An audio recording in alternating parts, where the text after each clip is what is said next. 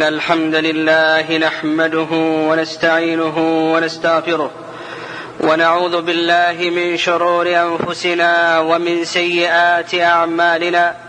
من يهده الله فلا مضل له ومن يضلل فلا هادي له وأشهد أن لا إله إلا الله وحده لا شريك له وأشهد أن محمدا عبده ورسوله. صلى الله عليه وعلى آله وأصحابه ومن تبعهم بإحسان إلى يوم الدين. وسلم تسليما كثيرا. يا أيها الذين آمنوا اتقوا الله حق تقاته ولا تموتن إلا وأنتم مسلمون.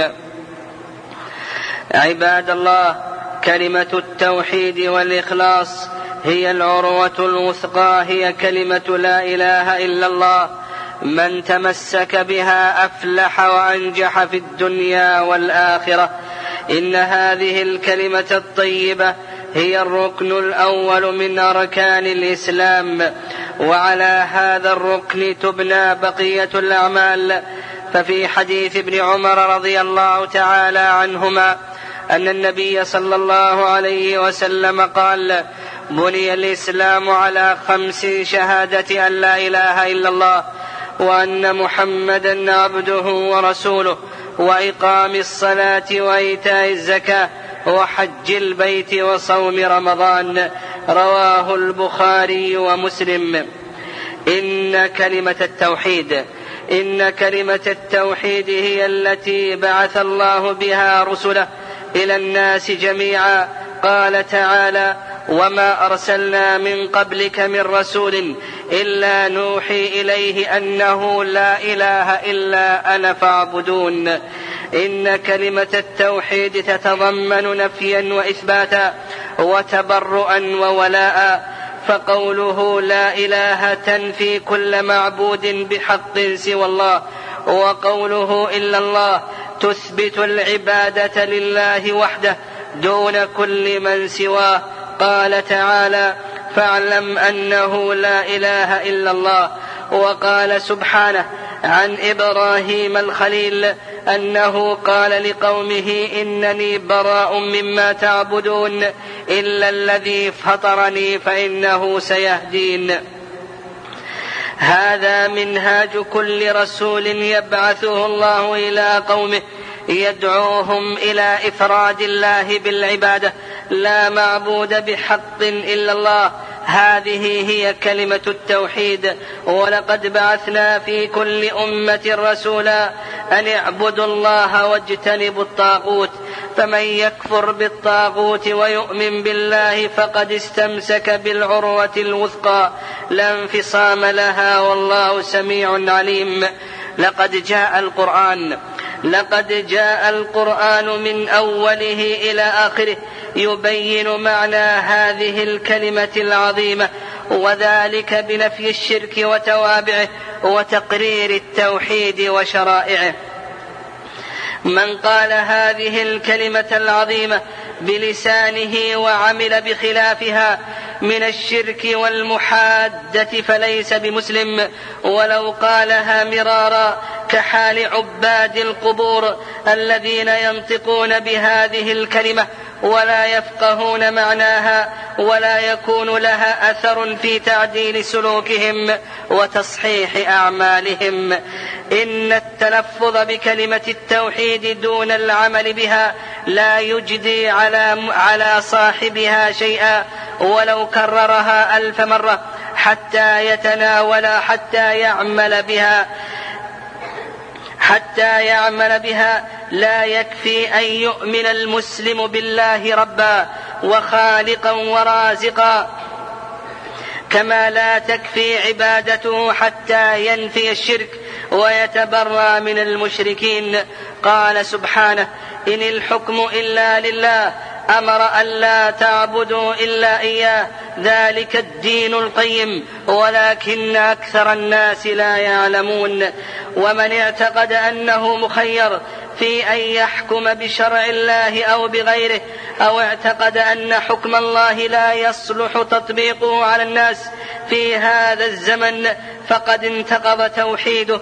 ومن لم يحكم بما أنزل الله فأولئك هم الكافرون.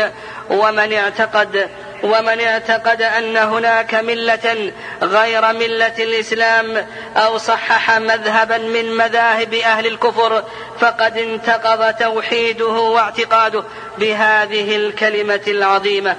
إن كلمة التوحيد لا إله إلا الله لها شروط يجب أن تتوفر في المسلم حتى يكون مؤمنا مستقيما.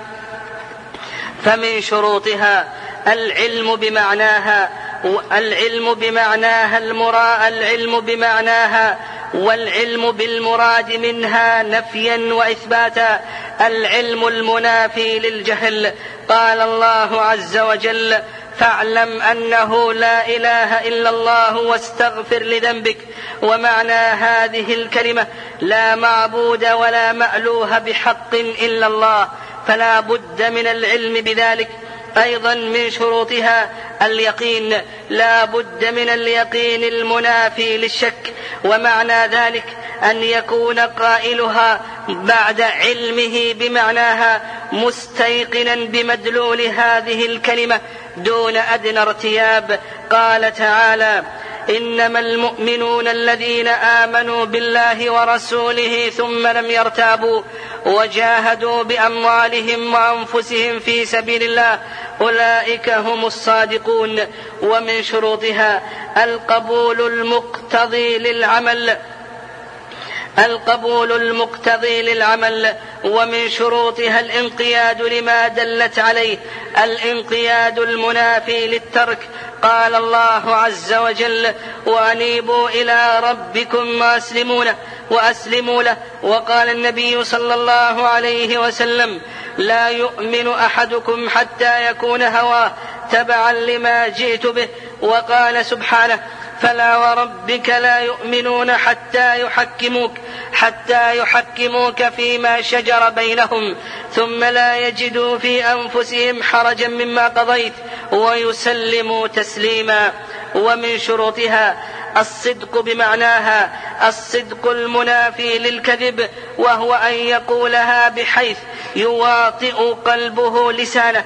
قال النبي صلى الله عليه وسلم ما من أحد يشهد أن لا إله إلا الله وأن محمدا عبده ورسوله صدقا من قلبه إلا حرمه الله على النار. رواه البخاري. قال ابن القيم رحمه الله والتصديق بلا إله إلا الله يقتضي الإذعان والإقرار بحقوقها التي هي شرائع الإسلام. وقال ابن رجب رحمه الله من قال لا إله إلا الله بلسانه ثم أطاع الشيطان وهواه في معصية الله فقد كذب فعله قوله ومن شروطها الإخلاص وهو تصفية العمل بصالح النية عن جو عن جميع شوائب الشرك وذلك بأن يقولها مخلصا لا يريد بذلك رياء ولا سمعة. قال الله عز وجل وما أمروا إلا ليعبدوا الله مخلصين له الدين حنفاء ومن شروطها المحبة لهذه الكلمة الطيبة والمحبة لما اقتضته ودلت عليه والمحبة لأهلها العاملين بها الملتزمين بشروطها وبغض ما ناقض ذلك. قال الله عز وجل ومن الناس من يتخذ من دون الله أندادا يحبونهم كحب الله والذين آمنوا أشد حبا لله. ولو يرى الذين ظلموا إذ يرون العذاب أن القوة لله جميعا وأن الله شديد العذاب. وقال النبي صلى الله عليه وسلم فيما أخرجه البخاري ثلاث من كن فيه. من كن فيه وجد حلاوة الإيمان أن يكون الله ورسوله أحب إليه مما سواهما وأن يحب المرء لا يحبه إلا لله وأن يكره أن يعود في الكفر كما يكره أن يقذف في النار. عباد الله ومن تبا ومن تمام محبة الله محبة ما يحبه وكراهة ما يكرهه فمن أحب شيئا مما يكرهه الله أو كره شيئا مما يحبه الله لم يكمل توحيده وصدقه في قول لا إله إلا الله. قال الحسن رحمه الله اعلم أنك لن تحب الله حتى تحب طاعته ومن أحب الله لم يكن عنده شيء آثر من رضاه ومن أحب الدنيا لم يكن شيء عنده آثر من هوى نفسه. ولا تتم محبة الله إلا باتباع رسوله صلى الله عليه وسلم. اللهم اجعلنا من أهل لا إله إلا الله الموقنين المصدقين المحبين لها ولأهلها. يا ذا الجلال والإكرام. أقول ما سمعتم وأستغفر الله لي ولكم من كل ذنب فاستغفروه إنه هو الغفور الرحيم. الحمد لله رب العالمين الرحمن الرحيم والعاقبة للمتقين ولا عدوان إلا على الظالمين. وأشهد أن لا إله إلا الله وحده لا شريك له. وأشهد أن محمدا عبده ورسوله. أرسله الله شاهدا ومبشرا ونذيرا وداعيا إلى الله بإذنه وسراجا منيرا. فصلوات الله وسلامه عليه وعلى أصحابه الذين بشرهم بأن لهم فضلا كبيرا. وعلى من اتبعهم بإحسان إلى يوم الدين. وسلم تسليما كثيرا. عباد الله اعلموا أن معنى شهادة أن محمدا رسول الله هو الإيمان. هو الإيمان بأن الله تعالى أرسله إلى الثقلين كافة. وأن نصدقه بما أخبر وأن نطيعه بما أمر وأن نترك ما نهى عنه وزجر. وأن لا نعبد الله إلا بما شرع فكل طريق مسدود إلا ما سلكه إلا ما سلكه النبي صلى الله عليه وسلم وأصحابه من بعده لقد جعلت شهادة أن محمد رسول الله مع شهادة أن لا إله إلا الله ركنا واحدا. مع أن المشهود به متعدد ذلك لأن الرسول صلى الله عليه وسلم مبلغ عن الله تعالى فالشهادة له بالعبودية والرسالة من تمام شهادة أن لا إله إلا الله. إن الإقرار والعمل, والعمل بذلك له آثار واضحة في حياة المسلم. من ذلك أنه ينشئ في نفس المؤمن الموحد عزة النفس لأنه يعلم أنه لا نافع ولا ضار إلا الله وهو المحيي المميت وهو صاحب الخلق والأمر والتدبير والملك. ومن ثم يذهب من القلب كل خوف إلا منه سبحانه. ومن ذلك أنه ينشئ من المؤمن تواضعا من غير ذل وترفعا من غير كبر فلا ينفخ الشيطان أوداجه. فلا ينفخ الشيطان أوداجه بالغرور لأنه يعلم ويستيقن أن الله تعالى الذي وهبه كل ما عنده قادر على سلبه إياه إذا شاء. ومن ذلك أن المؤمن والمؤمنة يعلم علم اليقين أنه لا سبيل إلى النجاة والفلاح إلا بتزكية النفس بالعمل الصالح. أما المشركون والكفار فإنهم يقضون حياتهم على أماني كاذبة متبعين في ذلك أهواءهم وشهواتهم. ومن ذلك أن العامل بهذه الكلمة الطيبة لا يتسرب إليه اليأس ولا يقعد به القنوط لأنه يؤمن أن الله تعالى له خزائن السماوات والأرض ومن ثم فهو على طمأنينة وسكينة وأمل حتى ولو طرد وأهين وضاقت عليه سبل العيش لعلمه أن عين الله تعالى لا تغفل عنه ولا تسلمه إلى نفسه وهو يبذل جهده متوكلا على الله. بخلاف الكفار الذين يعتمدون على قواهم المحدودة. فسرعان ما يدب إليهم اليأس ويساورهم القنوط عند الشدائد مما يفضي بهم إلى الانتحار. عياذا بالله من ذلك. إن الإيمان بكلمة التوحيد يربي المؤمن على على قوة عظيمة من العزم والإقدام والصبر والثبات. والتوكل على الله عز وجل حينما يطلع بمعالي الأمور ابتغاء مرضات الله. إن الإيمان بلا إله إلا الله يرفع قدر المؤمن وينشئ فيه الترفع والقناعة والاستغناء ويطهر قلبه من أوساخ الطمع والشره والدناءة واللؤم وغيرها من الصفات القبيحة إن الإيمان بلا إله إلا الله يجعل المؤمن والمؤمنة والطافين عند حدود الله لا يرتكبون ما حرم الله لا جهرا لا جهرا ولا سرا.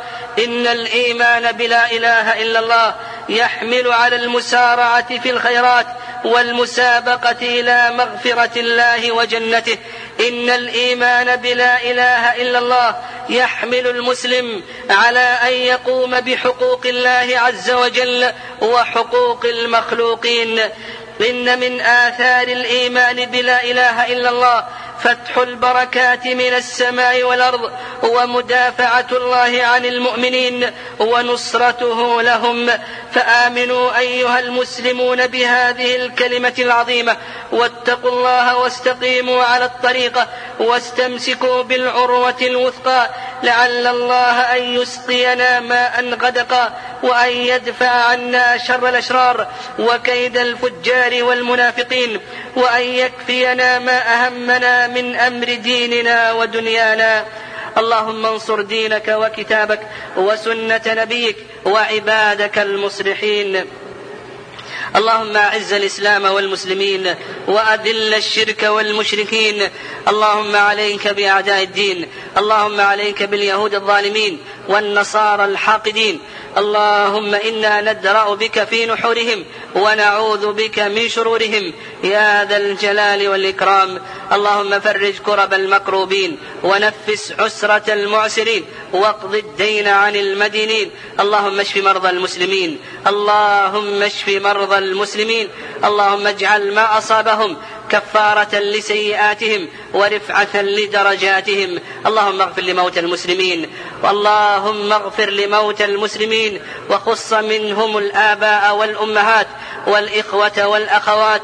اللهم اغفر لهم وارحمهم وعافهم واعف عنهم وأكرم نزلهم ووسع مدخلهم واغسلهم بالماء والثلج والبرد ونقهم من الذنوب والخطايا. كما ينقى الثوب الأبيض من الدنس. اللهم آمنا في أوطاننا. اللهم آمنا في أوطاننا. وأصلح أئمتنا وولاة أمورنا. اللهم اجعلهم محكمين لكتابك وسنة رسولك محمد صلى الله عليه وسلم. ربنا آتنا في الدنيا حسنة وفي الآخرة حسنة وقنا عذاب النار.